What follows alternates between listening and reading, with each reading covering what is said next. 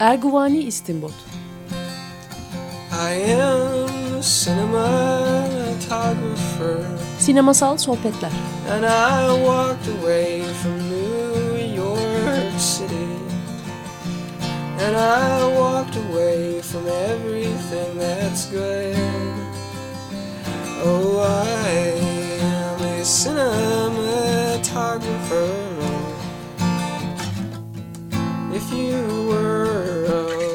Hazırlayan ve sunan Cüneyt Cebenayak.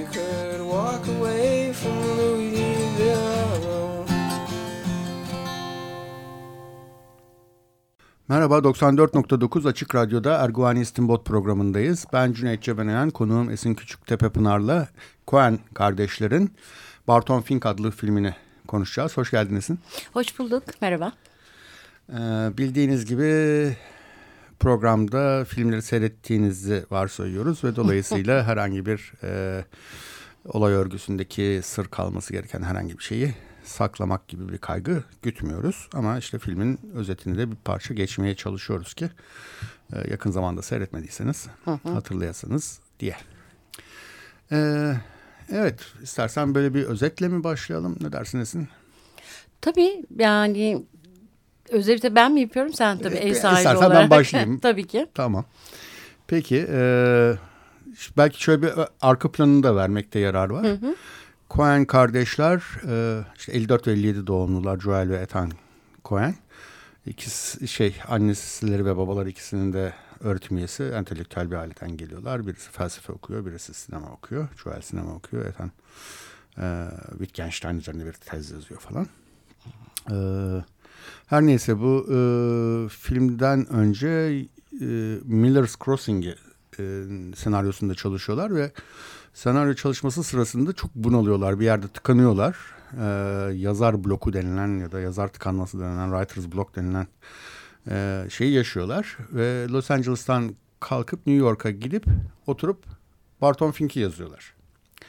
Barton Fink de zaten bir yazar tıkanıklığı anlatan bir film. E, filmin kahramanı e, John Turturro'nun oynadığı karakter yani Barton Fink bir e, New York'ta e, başarılı bir oyun yazarı. Aslında bir tane oyun yazmış ama başarılı olmuş. İşte kritikler de beğeniyor, eleştirmenler de beğeniyor, seyirci de beğeniyor falan.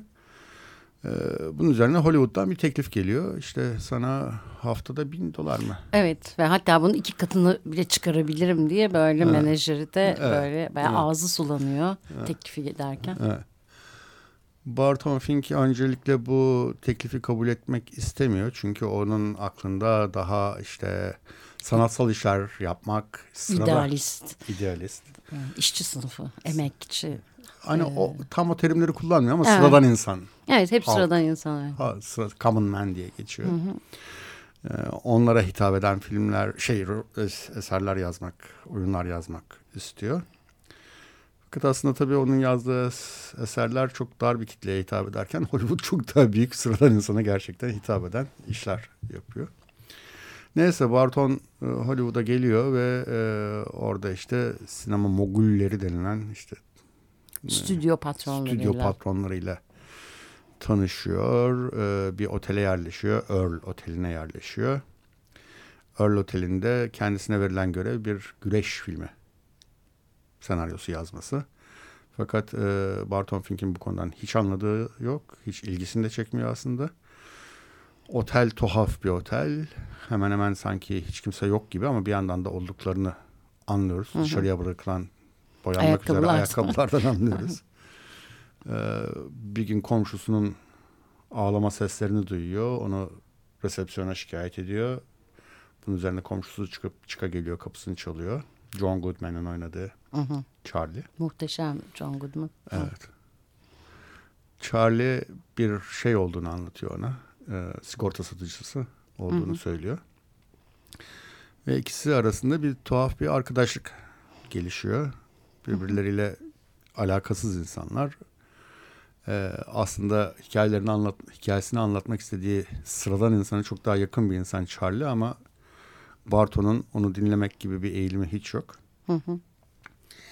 İstersen buradan biraz daha devamını şey yani filmin e, devamını istersen konuşmamız Tabii. sırasında ortaya hı hı, çıksın. Hı. İşte sonuçta tuhaf şeyler yaşanmaya başlıyor. Onları da zaman içinde gireriz. Hepsini şimdi anlatmak birden sıkıcı gelecek gibi geldi. Bence de yok e, yani gayet güzel anlatıyordum ben dinliyorum ama e, tabii ki filmi konuşacaksak e, anlattıklarından yola çıkarak şunu söyleyebiliriz tabii bir, bir yalnız kalpler e, oteli gibi bir yer ama hmm. aynı zamanda bir kabus oteli.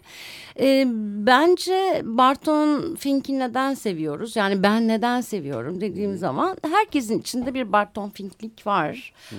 Bu da nedir? Niye ben mesela e, severek bu filmi konuşmak istedim? Çok daha sinema tarihinde muhteşem, sanatsal, ağır e, filmler var ama e, Barton Fink hem bu zamana çok güzel uyuyor içinde yaşadığımız zamana. Hem de böyle çok yalnızlık öyküsü olduğu için galiba. O da nedir? Hem bir politik ve siyasi bir altyapısı var ama onlar her şey bir takım süslemeler. Sonuçta kendi vicdanınız. Hani bir Dostoyevski öyküsü e, gibi aslında. Gibi de değil öyle. Nedir? Hmm. Hepimiz ruhumuzu şeytana satıyoruz. Para için satıyoruz. Yani... Hmm. E, masanın gerisindeki patron iş görüşmesine gitmişsindir sen de çok. Ben mesela böyle patronlarla özellikle gençken giderdim çay içer misin bir şey içer misin derlerdi. Ben sevinerek kabul ederdim. Yani çay ya da e, kahve peşinde değildim ama beni seviyor, beni orada tutmak istiyor, beni kovmuyor. Önce beni dinleyecek ve işe alma ihtimali olacak diye sonuçta entelektüel bir iş yapıyoruz. Hani sevimliliğimiz ve duruşumuzla aklımızı beğenecek diye umuyoruz.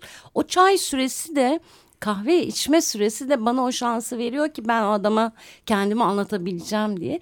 Barton Fink Hollywood'daki iki medya patronuna gidip çay söylendiğinde ve o çaydan alamadığında yudumlarını bile hani hmm, o çay hmm. süresi bile tanınmamıştı ve işte hepimiz o masanın gerisindeki beklenti ki o adamlar genellikle kalın kaba, inceliksiz, paranın verdiği ya da gücün verdiği e, şeyle sizi ezen, e, size çocuk muamelesi yapan, şahsiyetinizle oynayan bir şey insanlardır bunlar. Dolayısıyla e, bence common man dedi sıradan adam aslında Barton Fink'in tam kendisi o da biz oluyoruz. Hmm. Tabii ki bizim de kafamız karışıyor oralara da gireriz hmm. ama yani Oradan başlayarak bence çok zamane tüm zamanların filmi ki bu anladığımız kadarıyla tam İkinci Dünya Savaşı öncesini anlatıyor. 41.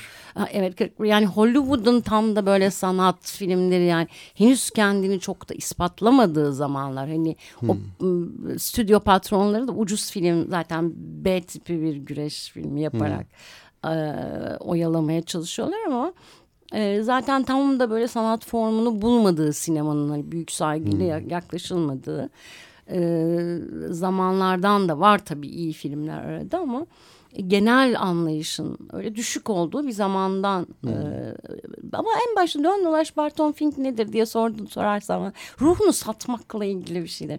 Yani bir entelektüel olarak kendini böyle bir yaftalamak. Ay ben hmm. çok akıllıyım, çok ay işte sıranın adamın derdini herkese ifşa edeceğim. Ki sen de ben de en başta gazeteci olmamızın nedeni hayatın nabzını tutacağız ve hani sıradan adamın derdini anlatacağız gibi bir şey. Tabii Tapu Kadastro'da da olabilirsin, her şey olabilirsin. Masanın gerisindeki hmm. adama hmm. El ayak e, maalesef e, sürmekle. E, aynı zamanda da işte dön dolaş e, ruhunu satıyorsun ya yani. Hmm. O da öyle yani hmm. doğru bildiği hem böyle de, de, o, yalnız adamın yanındayım, sıradan adamın yanındayım. Sonra dediğin gibi otelin yan odasındaki karşılaştığı sıradan adamın hikayesini dinlemekten aciz. O kadar kendini hani anlatmak istiyor. Diyor ki hmm. I have I have my stories diyor. Hmm. Yani John Rush bir şekilde John Goodman'ın karakteri. Ama onu dinleyecek hali yok. Ama tabii ki daha sonra niye dinlemiyor ya gelelim. Kuru hikaye idealist bir New York entelektüeli bir oyunla söylediğin gibi başarıyı yakalar hmm. ve Hollywood'da para peşine düşer. Bu görülen bir kalın hmm. E, bizim mantığımızla kavradığımız bir şey ve sonra oraya gider işte böyle bir deliler bir kabus bir cehennem ateşinin ortasına düşüverir seçtiği otele kadar sıcaklık filmin ilerleyen dakikalarında artar artar çünkü artık e, bir cehennem ateş ve su yan yana işte bir denizin şakırdamaları var bir ateş hmm, var ortada. Hmm, e, böyle böyle sabaha kadar bunları bilinçaltıyla e, bilincin şeyini konuşuyoruz ama e, sonuçta tam yine ruhumuzu sattığımız zamanlardayız. Yani e, dünyada sadece Türkiye değil, dünyada bir düş, düşüklük e, tavan yapmış durumda. E, yani dediğim gibi Tapu Kadastro'da da e, şeyde de aynı e, gazete patronu da aynı şekilde ya da sinema patronu da aynı şekilde davranıyor şu andaki e, çalkantılara ve huzursuzluğa ki Barton Fink de tam savaşta Amerika'nın gerçi savaş çoktan başlamış ikinci Dünya evet, Savaşı. Pearl Harbor'ın olmasına iki gün kala falan oluyor bir takım olaylar filmde. Yani hemen Pearl, hatta Pearl Harbor bir aşamada oluyor ve patron bir anda kendisine askeri subay kıyafetleriyle albay kıyafeti albay diktirebiliyor çıkıyor yani. Barton evet, Fink'in evet. karşısına evet. evet. O sarı gözlü, sarı çekik gözlü adamları hı hı. avlamaya hazır olduğunu ilan ediyor. Hı hı. Ee, tabii Barton Fink'in sıradan insan olduğunu söylemek biraz... Hmm, çünkü o bir entelektüel. Yani hani o anlamda sıradan birisi değil. Yani sonuçta sahneye çıkıp kitlelerce alkışlanan hakkında gazetelerde yazılar çıkabilen falan bir insan.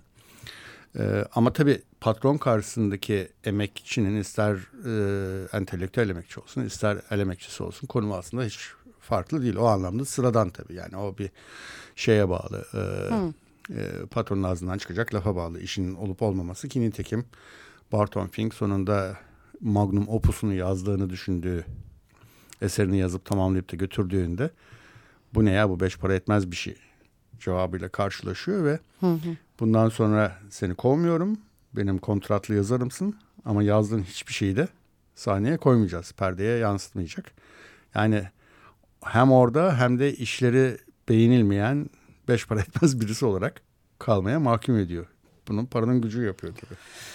Tabii tabii sıradan adam derken e, şeyi kastettim. E, bütün korkularıyla yani ne kadar entelektüel olursanız bir e, zaten bu noktadan sonra belki filmin benim belki konuşmaktan daha da hoşlandığım tarafına geçebiliriz. Akıl kaymasına yani hmm. bu film aslında neden ibaret? Yani bir zaten onu da söylüyor filmde böyle replikler var yani işte aklında hiç yol haritası yok ki falan gibi.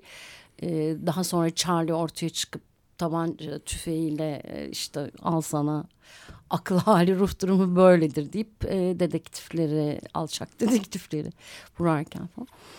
Yani buraya gel yani o tarafa geçtiğimizde sıradan adam olarak e, Barton Fink korkularıyla, endişeleriyle sıradan. Çünkü ay otoriteden anlayamadığı otoriteden pısıyor ve siniyor. Hepimiz öyleyiz. Yani çünkü oradaki otoriteyle stüdyo patronuyla konuşacak hiçbir şey yok. Yani onun dilinden konuşamadığı için hemen pısıyor. Ve oraya zaten para için gelmiş. Eee işte bir takım şeylerden sinir oluyor ama işte şikayet ediyor yan komşusu odasındaki ama kapıyı çaldığında iri yarı bir adam geldi mi? Lafını geri alıyor. Vallahi şikayet etmedim diyor mesela. Yani hep böyle güç ve otorite karşısında geri adım atan insan tipi olarak sıradan. Hani ben entelektüelim ve e, her şeyi yakıp yıkarım gibi bir şey yok. Hani e, gidip lüks bir yerde kalmıyor da Hollywood'da kalmıyor ki sıradan insanın ruhuna uygun olsun diye sıradan otele gidip kalıyor. Hı hı. Güya hani bu hı. kağıt üzerinde görünen.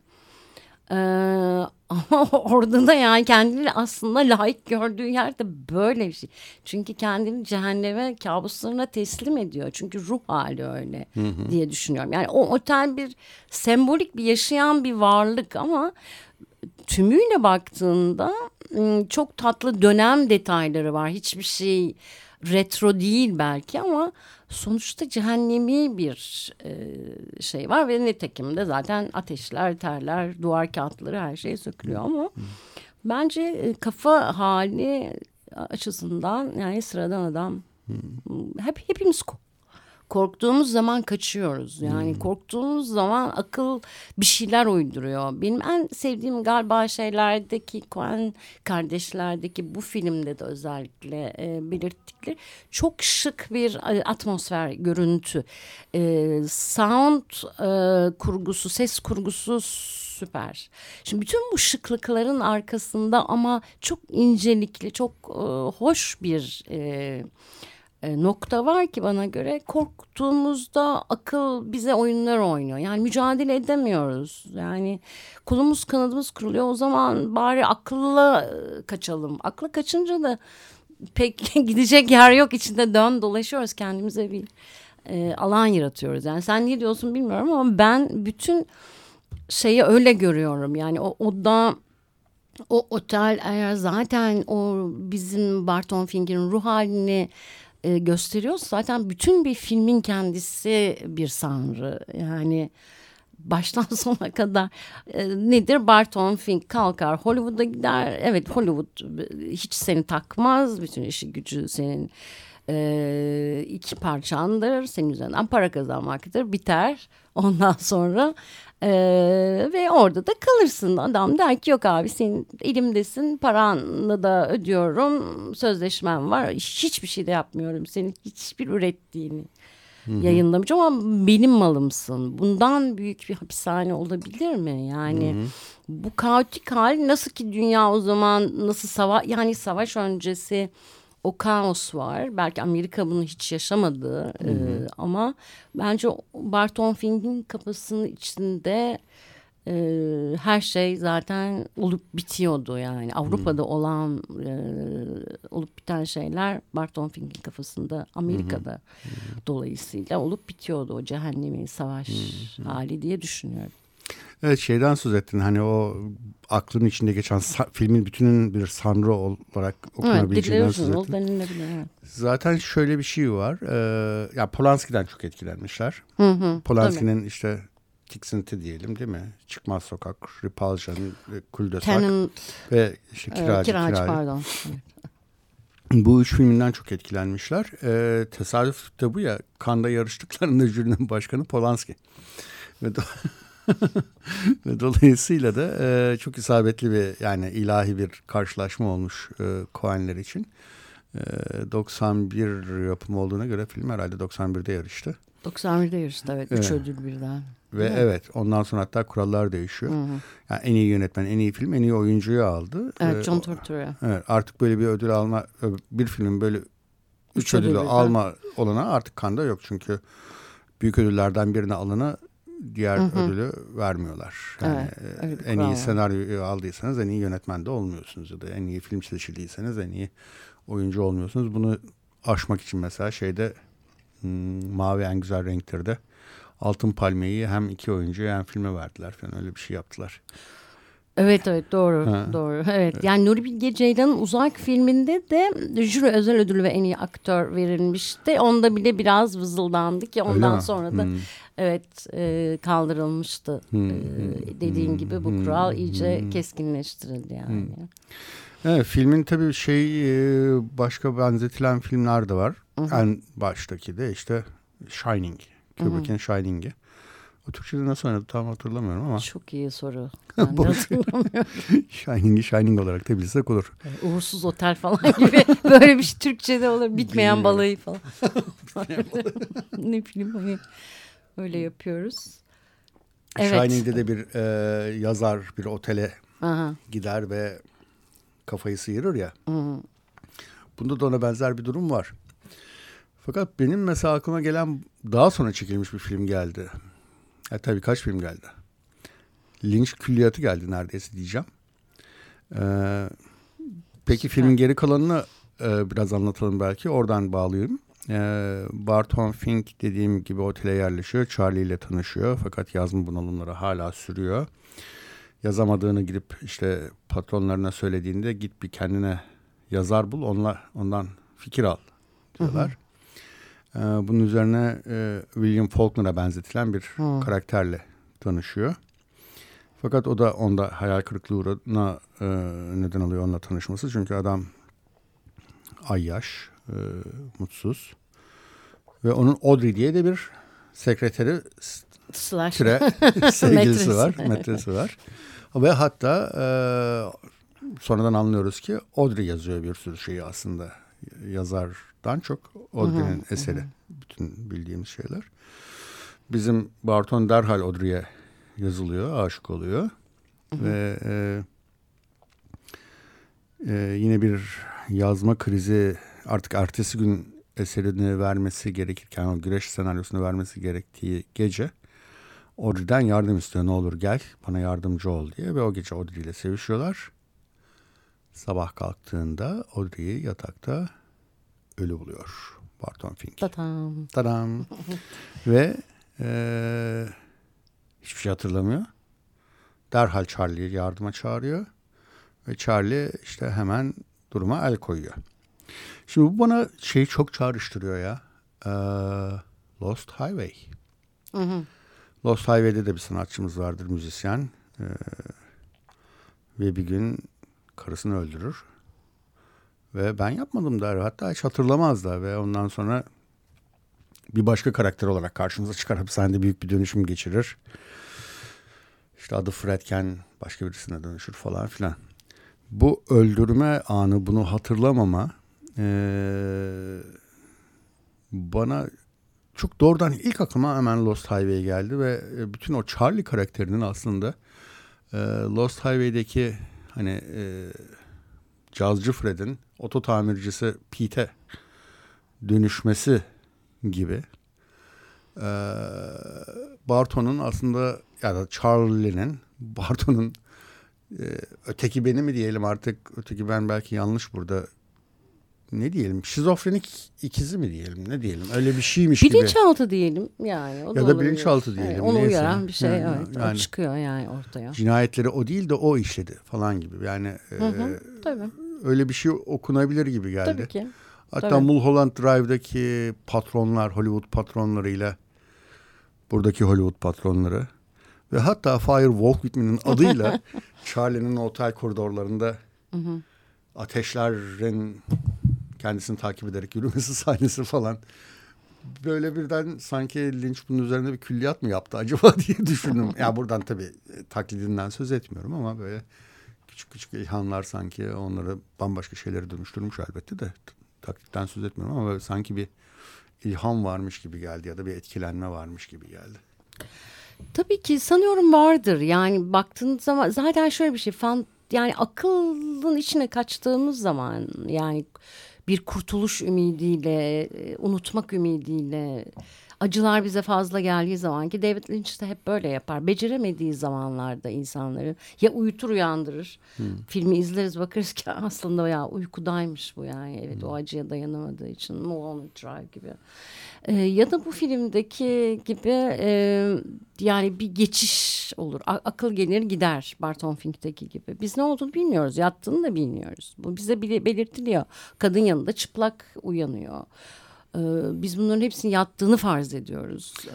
Ee, yani Charlie soruyor yattın mı diye evet diyor. Tabii tabii ama ha. işte Charlie kim? Şimdi Charlie kim? yani böyle baktığın zaman e, olmuyor yani. E, öbür tarafa geçerek baktığımız zaman hakikaten e, gece geliyor mu? Bütün bunu itirafları yapıyor mu Audrey? Yani o onun kafasındaki bir şey. Çok acil bir yardım istemesi lazım. Zaten ne zaman Barton Fink daktilosunun başına oturuyor e, hemen başka bir şey çıkıyor. Yani o daktilonun boş beyaz kağıdına ister zoom yapsın kamera ister başka türlü ama başına otur oturmaz e, hemen ya yan kapı çalıyor ya bir gürültü. E, en büyük espri zaten e, su boruları. O su boruları dangır dungur yapıyor. O, o, birisi gülüyor mu ağlıyor mu sevişme sesi mi? gibi o bütün o su borularındaki gürültü üzerinden de bir takım şeyler kafamızı karıştırıyor. Ki nitekim yattığı zaman da ilk kez Audrey ile yattığını farz ettiğimiz zaman da e, direkt böyle şey gibi e, beyaz tavşan gibi o su borularının içine gidiyoruz. Bu da belki Charlie'yi uyandırıyor. Hı hı. Yani o gece yaptı ve Charlie gelip hani tık tık tık öldürüp gitti fark etmiyor. Yani bilinçaltıysa eğer Charlie onun hı. onu koruyup kollayan ona o yalnız otel odasında korkutucu patronların karşısında bir senaryo yazmak, vermek zorunda, uydurmak zorunda.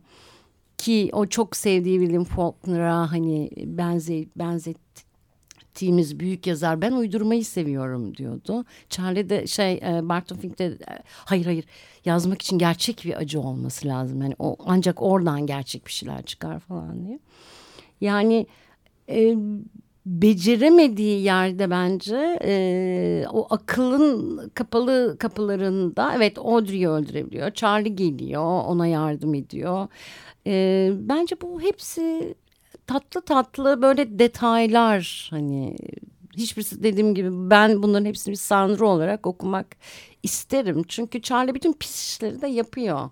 Yani onun adına e, kötü dedektifler olsun, oraları yakıp yıkmak olsun.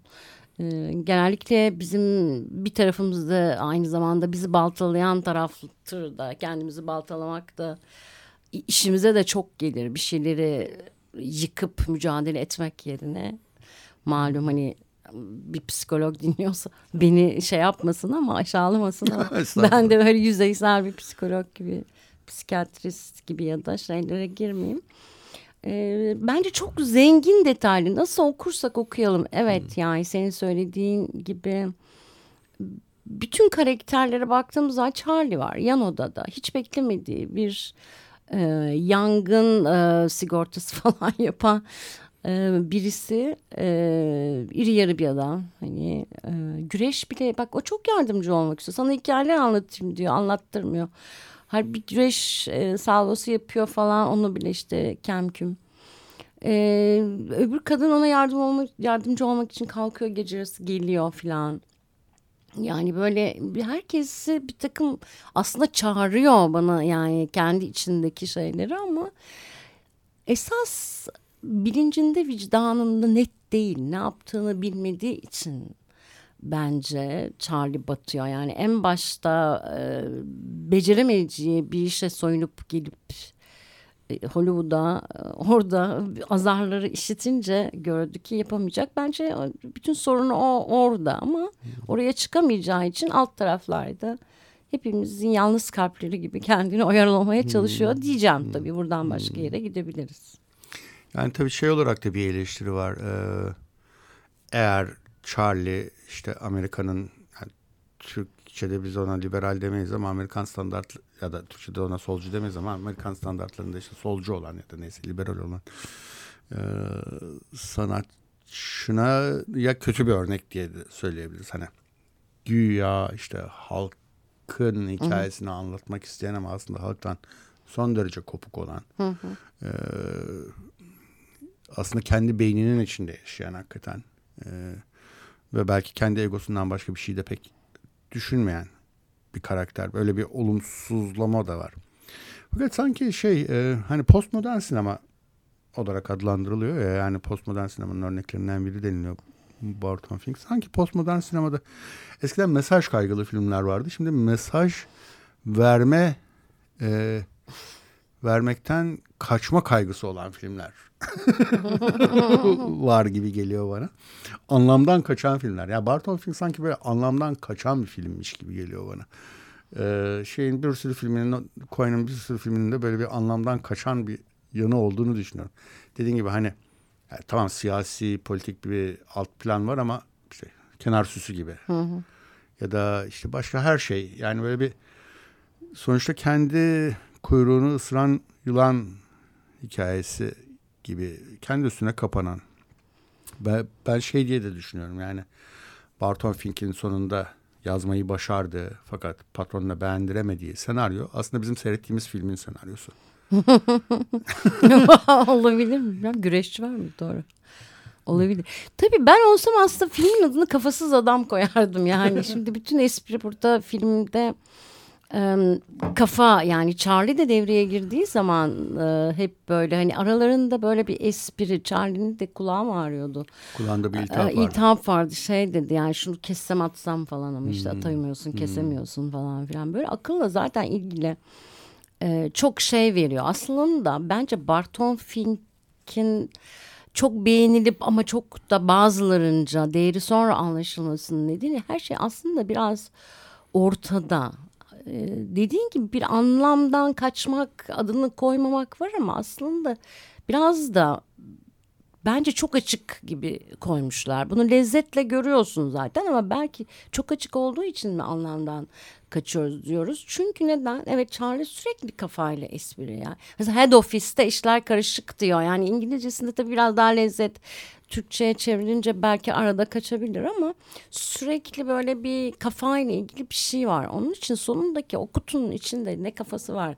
Hani sonra öğreniyoruz ki Charlie de kafa kesici bir adammış. Yani hani ve bize film hani onun içinde Audrey'nin kafası olduğunu ha, düşündürtüyor. Ha. Yani niye ki? Zaten filmi e, akıl şeyimizden dışarı çıkıp hani konu gelişme süreç sonuçla baktığım zaman evet vallahi sonu çok karışık.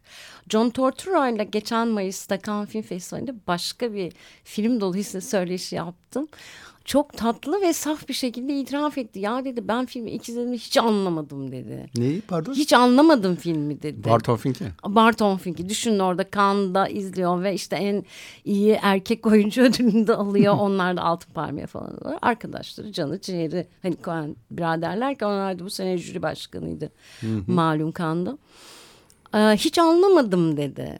Yani sonrasında anlamış. Mesela çünkü ne anlamış acaba onu merak ettim. Ha, yani böyle şey anladığı bence çok da kayda değer bir şey değil. Yani bizim şurada konuştuklarımızın tamamının bir özeti yani. Evet. Bir akıl kayması bu olay gibi. Ama benim baktığım yerde evet yani bu bir akıl kayması e, olarak baktığın zaman çok şey. Hani bir David Lynch filminde bir Mulholland Drive'da ya hepsi bir uykuymuş dediğinde aa her şey ne kadar basit ha anladım. Şimdi demek gibi. Bence burada da şey var o zaman yani kutunun içinde kimin kafası olduğu zaten çok belli yani. Hani benim baktığım yani o da Barton Fink'in kendi kafası çünkü yani bir bakamıyor, aç, açmıyor da, açamıyor da, bilmiyor da yani kendisine ulaşamıyor. Henüz kendisine dönememiş. Zaten döneceği de yok da e, Hollywood hapishanesinde. Dolayısıyla tatlı bir espri var. Yani tamam Audrey'nin kafası olabilir.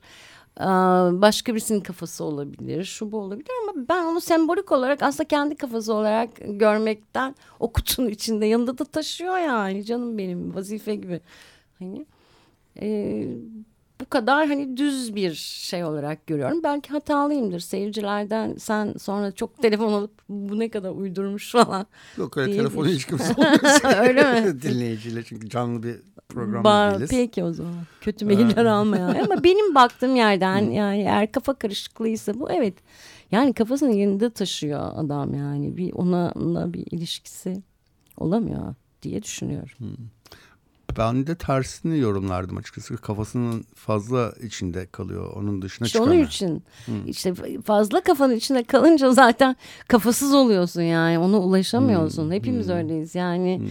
O kafa için dışarıyla e, bir şey yok. Bu filmde de çok tatlı. Yani fantazi ve gerçek arasında müthiş bir e, şey var yani. Kesin bir çizgi yok. Or orası burası neresi her şey olabilir. Evet öyle bir otel olur yani olması çok vardır eminim. Hı hı. E, sinema dünyası, sinema tarihinde çok gördük öyle otelleri.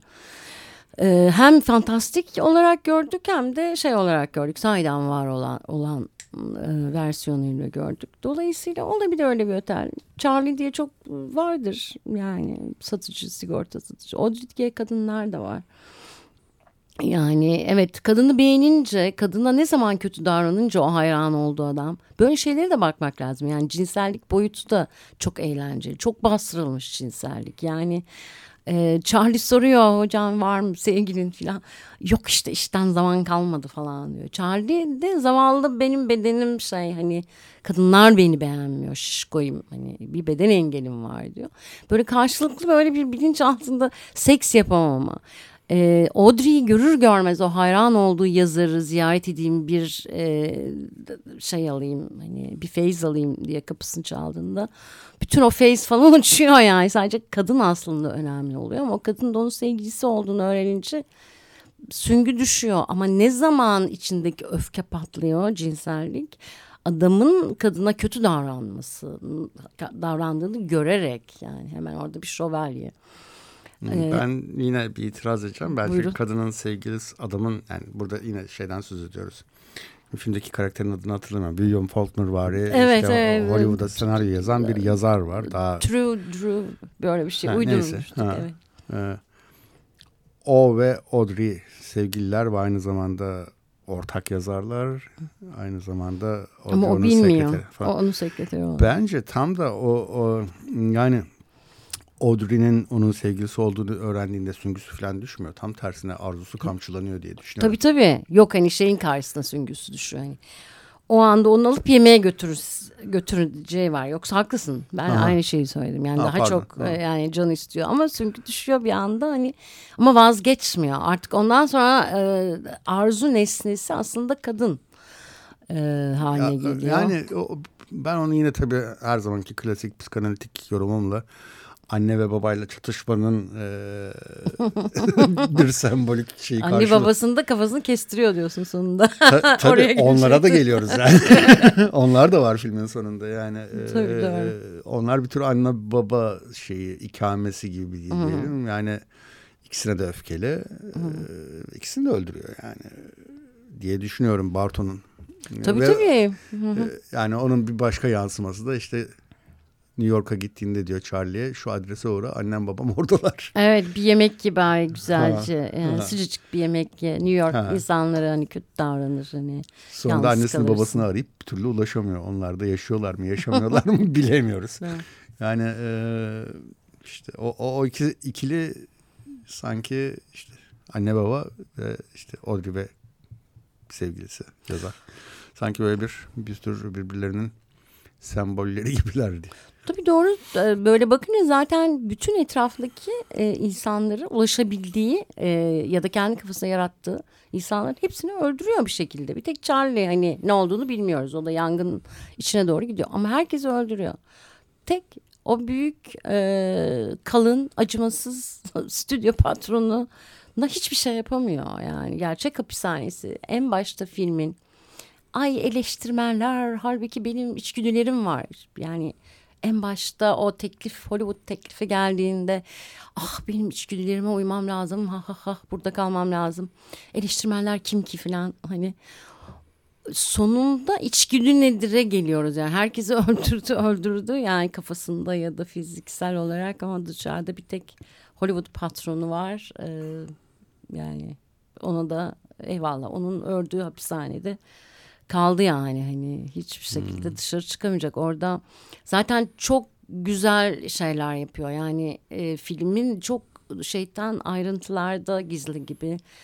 E, detaylar çok tatlı. Yani Charlie'nin varlığı onu dinlememesi e, derken e, bütün o otelin ve şehrin bir karakter olarak yani Polanski'nin niye çok sevdiğini anlayabiliyoruz. Hani e, o otel ve o şehir bir karakter olarak e, üçüncü beşinci karakter olarak yaşayan bir canlı olarak e, besliyor ruh halini yansıtırken ama dön dolaş e, baktığımız zaman Barton Fink'in ruh halinde biz ne öğreniyoruz, ne görüyoruz? Hani e, işte anne baba herkes dahil öldürmesine karşılık nedir bu bedel yani?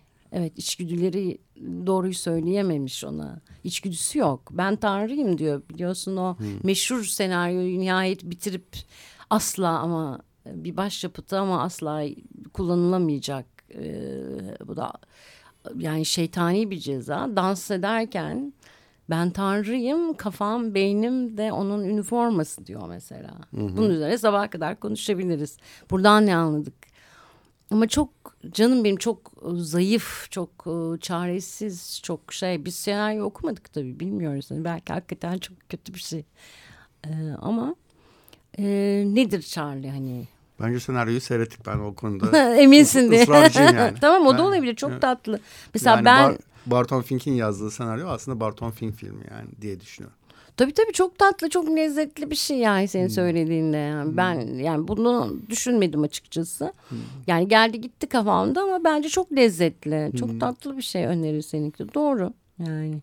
Ona sanki şöyle bir işaret de var gibi. Hani odasında bir kadın resmi var. Denize Hı-hı. doğru bakan e, Hı-hı. elini siper etmiş güneşe.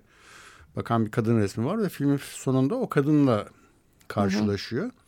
Ve o kadının resmi bir post kar, e, kart postala dönüşüyor gibi.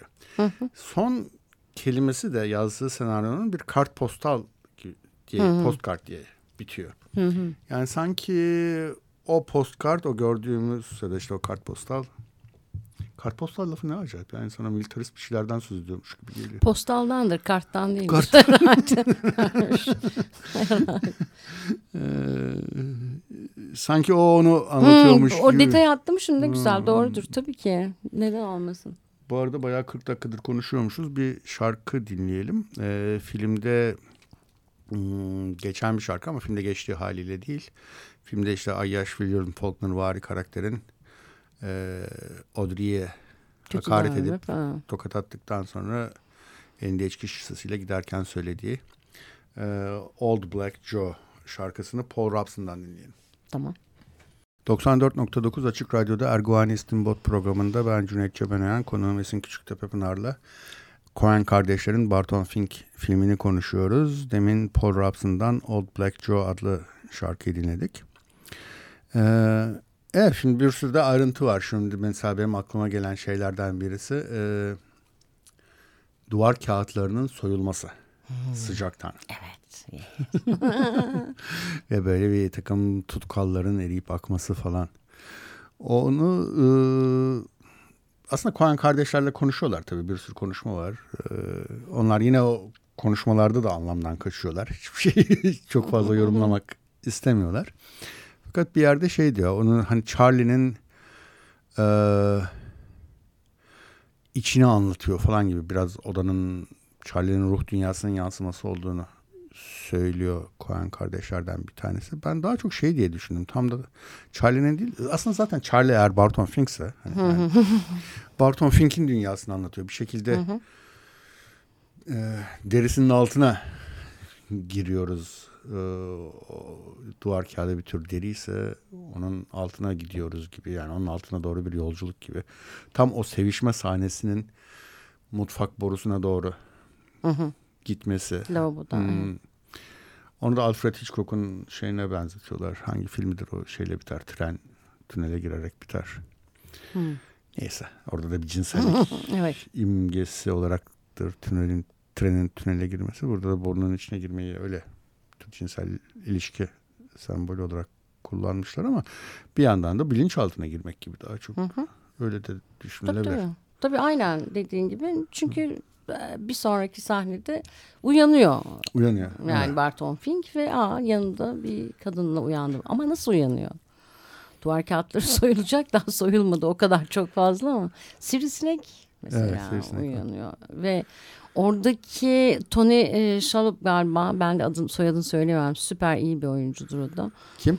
E, Tony Shalhoub gibi telaffuz edebiliyor olabilirim. Daha sonra e, dizilerde falan oynadı. İyi bir aktör. Yapımcı rolünde. ikinci ha. yapımcı rolünde. Yani hızlı konuşan. Hızlı konuşan anladım. E, yapımcı rolünde.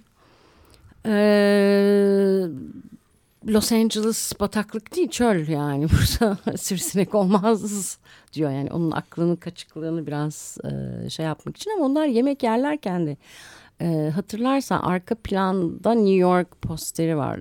Los Angeles hmm. restoranında falan. Her şey yalan dolan yani her şey sahte. Bir, bir özenti e, filmde zaten o taraflara geçince.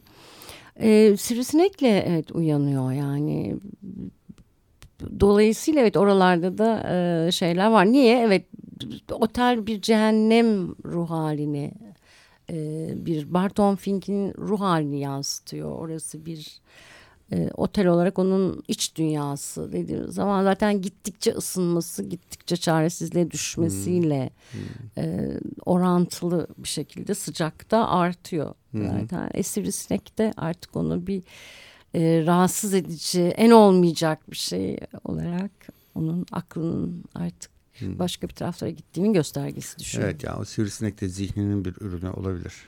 Evet. Yani eğer Los Angeles'ta Gerçekten. sivrisinek yoksa. sivrisinek yoksa. Zaten böcek deyince akla hemen zaten bir tür şizofreni falan gelmiyor mu? Yani Kafka'nın hı hı. böceğe dönüşen Gregor Samsa'sından tut. Hı hı. Ne bileyim ben hani böcek hayali görmez mi şizofrenler görürler değil mi? Üzerlerinde böcekler falan filan. Ya da işte uyuşturucu krizindeki insanlar falan. Hatta Çok Türkiye'de doğru. de bir böcek diye bir film çekildiydi. Hı. Dersu, Dersu yönetmenin söylediğini hatırlamıyorum. Adı Dersu'ydu. Filmi biliyorum ama yönetmeni hatırlayamadım ben kusura bakma. e tabii çünkü e, söylediğin örneklerin hepsi e, aklın işte şey oldu başka bir taraflara gittiği yerler yani. Biraz da tabii mezarlık, mezarlık altı, böcek, beden yeme hani böyle şeyleri de sembolize eden bir şey var yani sonuçta o tür böcek türünün hmm. hani insanla olan ilişkisinde sempatik bir şey yok hani hiçbir şekilde sadece rahatsız edici bir ilişkisi var hmm. böceklerin dolayısıyla filmlerde bu şekilde geçmesi yani kendinden hoşnut olmama hali rahatsız olma halini bir sürü sembolize etmek zorunda kalıyorsun. İşte o gördüğün bardağa böcek yapıyorsun ya da kendini hmm. böcek yapıyorsun yani. Hmm. Dolayısıyla haklısın tabii ki böyle şeyler. Barton Fink'teki işte minik minik detaylarla artık hangi yönetmeni hangi sinema tarihindeki filme e, referans verdiği falan sayılabilir tabii. Ama mesela onlarınki bir de e, Tarantino vari bir pop kültür çöplüğünden dönüştürmek değil aslında yani. Mesela hiçbir e, şey filminde oturup Tarantino filmini hani biz de gençken falan severdik böyle hani. Aa şu filme referans vermiş bu filme referans vermiş. Ama e, aslında Coen biraderlerin Kinde öyle bir şey yok. Senin dediğin gibi her şey çok ortada olmasına rağmen bir anlamdan kaçma hali var gibi. Ama her şey bir kara film e, tatlılığında aslında. Burada David Lynch'a yaklaşan bir soyutlaştırma teknikleri var tabii. Her şey çok ortada ama birdenbire fantastik bir aleme gittiğin için kafa karışabiliyor. Bir cinayet öyküsü koruyor, bir kafa kesici koyuyor e, Charlie gibi e, Audrey'nin ölümü derken falan e, ortada sanki çözülmesi gereken polisiye bir e, konu mevzu varmış. Kim yaptı cinayeti bulalım gibi bir şey varmış gibi görünüyor ama aslında bunlar hiçbir şey önemli değil. Sonuçta her iyi film gibi tek bir şeye içimizdeki yalnızlık, şefkat, destek arayış haklı ya da haksız e, bencil bir entelektüel dediğin gibi dışarıyla hiçbir bağlantı kuramamış kendi egosuyla ha ha ha eğlenen bir adam da olsa bile gene de işte işte hmm. böyle bir sıkışıklığı anlatması açısından hoş ve çok duygusal bir film diye düşünüyorum. Cinayetler onlar yalan. Bizi oyalamak için yani kurmuşlar evet. diye düşünüyorum. Filmde iki tane dedektif var. Hani hı hı. işte e, cinayetleri soruşturmak için gelip Barton Fink'le konuşan bunlar da bana aslında şey çağrıştırdı. Yine Dostoyevski'deki iki dedektifi çağrıştırdı. Fakat bunların adları da enteresan. Bir tanesinin ismi Deutsch. Yani Alman, Alman demek. Diğerininkini şimdi tam hatırlamıyorum ama e, Mussolini'yi falan çağrıştıran bir ismi var hmm. orada. İtalyan. Hmm. E, ve gayet ırkçı bir laf da ediyorlar. Sen Yahudisin değil mi? Hmm. Buranın zaten böyle e, Yahudileri almayan nezih bir yer olmadığını tahmin etmiştik gibi bir laf ediyorlar. Hmm. Barton Fink Yahudi. Tıpkı. Koenler gibi. Hmm e, Yahudi e, ve şey e,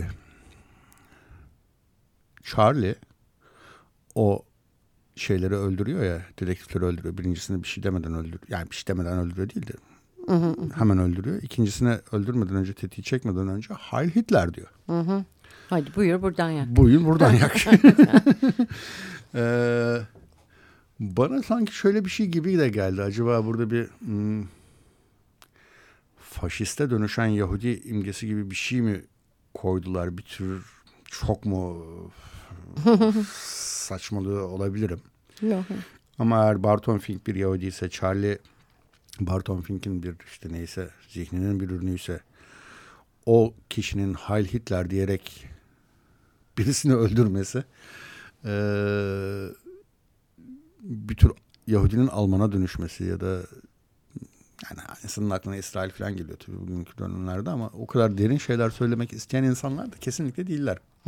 Ya da söylüyorlarsa da bunu bilinçli yapmak istemiyorlar. Ya da Hı-hı. bilinçli yaptıklarını itiraf etmek istemiyorlar. Hı-hı. Yani öyle değinip geçiyorlar. Hemen her zaman şey diyorlar. Biz hiçbir zaman öyle semboller bilmem neler kurarak yapmıyoruz. O sırada bize her nedense o şekilde kurulması öykünün hoş geliyorsa o şekilde kuruyoruz gibi bir Hı-hı. Yani tabii bir, bir, kaç sinema yazarı da o dönem Coen kardeşlerin Barton Fink'in yani bu filmi acayip bir antisemitist e, ve Barton Fink'in de çok kötü bir adam karakteri olarak çizildiğini söyleyerek eleştirmişlerdi. Tabii bunu da Charlie'nin de işte Ha Hitler diye öldürmesinin de eğer o dediğin gibi parçalanmış kişiliğin diğer tarafıysa tabii ki bu da e, çok önemli bir e, ellerine bir koz veriyor. Ama dediğin gibi Coen e, kardeşlerin bence en büyük başarısı ağır bir entelektüelizm yapmamaları.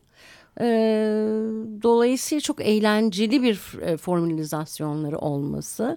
Bunun altında keşfetmesi çok tatlı şeyler var ama çıkardığın noktada ağır şeyler e, entelektüel bir yük binmez e, omuzlarına. Ne seyirci ne evet. ele, entelektüel. Dolayısıyla bence o çok basitti. Çünkü 1941 yani Amerikan Savaş'a gireceği sene New York'lu son derece entelektüel genç e, sıradan adamın hikayesini anlatmaya çalışan bir Yahudinin e, ne savaşla ne dünyayla hiçbir şeyle alakası yoktu.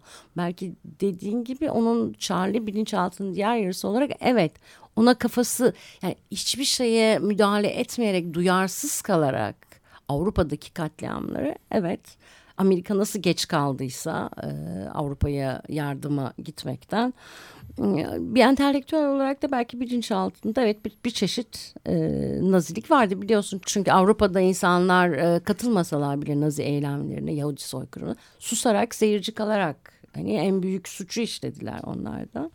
Dolayısıyla o da öyle bir şeyi getirmiş olabilir. Çünkü sonundaki dans sahnesi yani o başyapıtı yazdıktan sonra o um, askerlerin balo sahnesinde kızla dans ederken de ee, bir asker rica etmiş ya benim yarın gemim kalkıyor ben dans edeyim bana ne dedi mesela ona bile savaşta ne kadar ilgisiz ve alakasız olduğu yani başa dönüyoruz. Nasıl kafasının içinde hapsolduğunun da göstergesi. Dolayısıyla Ha Hitler meselesi de bence hmm. duyarsız entelektüel hmm. Yahudi Amerikalı tabii hmm. üstelik yani. Tabii bunu hani filmde tek entelektüel o olduğu için bir genelleme yaptığımızda biraz haksızlık yapmış olduğunu söyleyebiliriz. Çünkü entelektüellerin savaşa veya Yahudilere yapılan zulme karşı durmadıklarını söylemek biraz acımasızlık olur. Ama yani Barton Fink'i tek başına sadece kendisini temsil eden bir tekil örnek olarak düşünürsek elbette böyle insanlar çok muhakkak ki vardı. Bu arada evet 54-32 vaktimizi baya baya doldurduk hızla. Vay, evet halbuki daha ne kadar çok konuşacak şey var. işte. Yani, çok teşekkürler Esin. Ben teşekkür ederim. Ne güzel sohbet ettik. Evet bence de öyle. Ee, gelecek hafta görüşmek üzere. Hoşçakalın.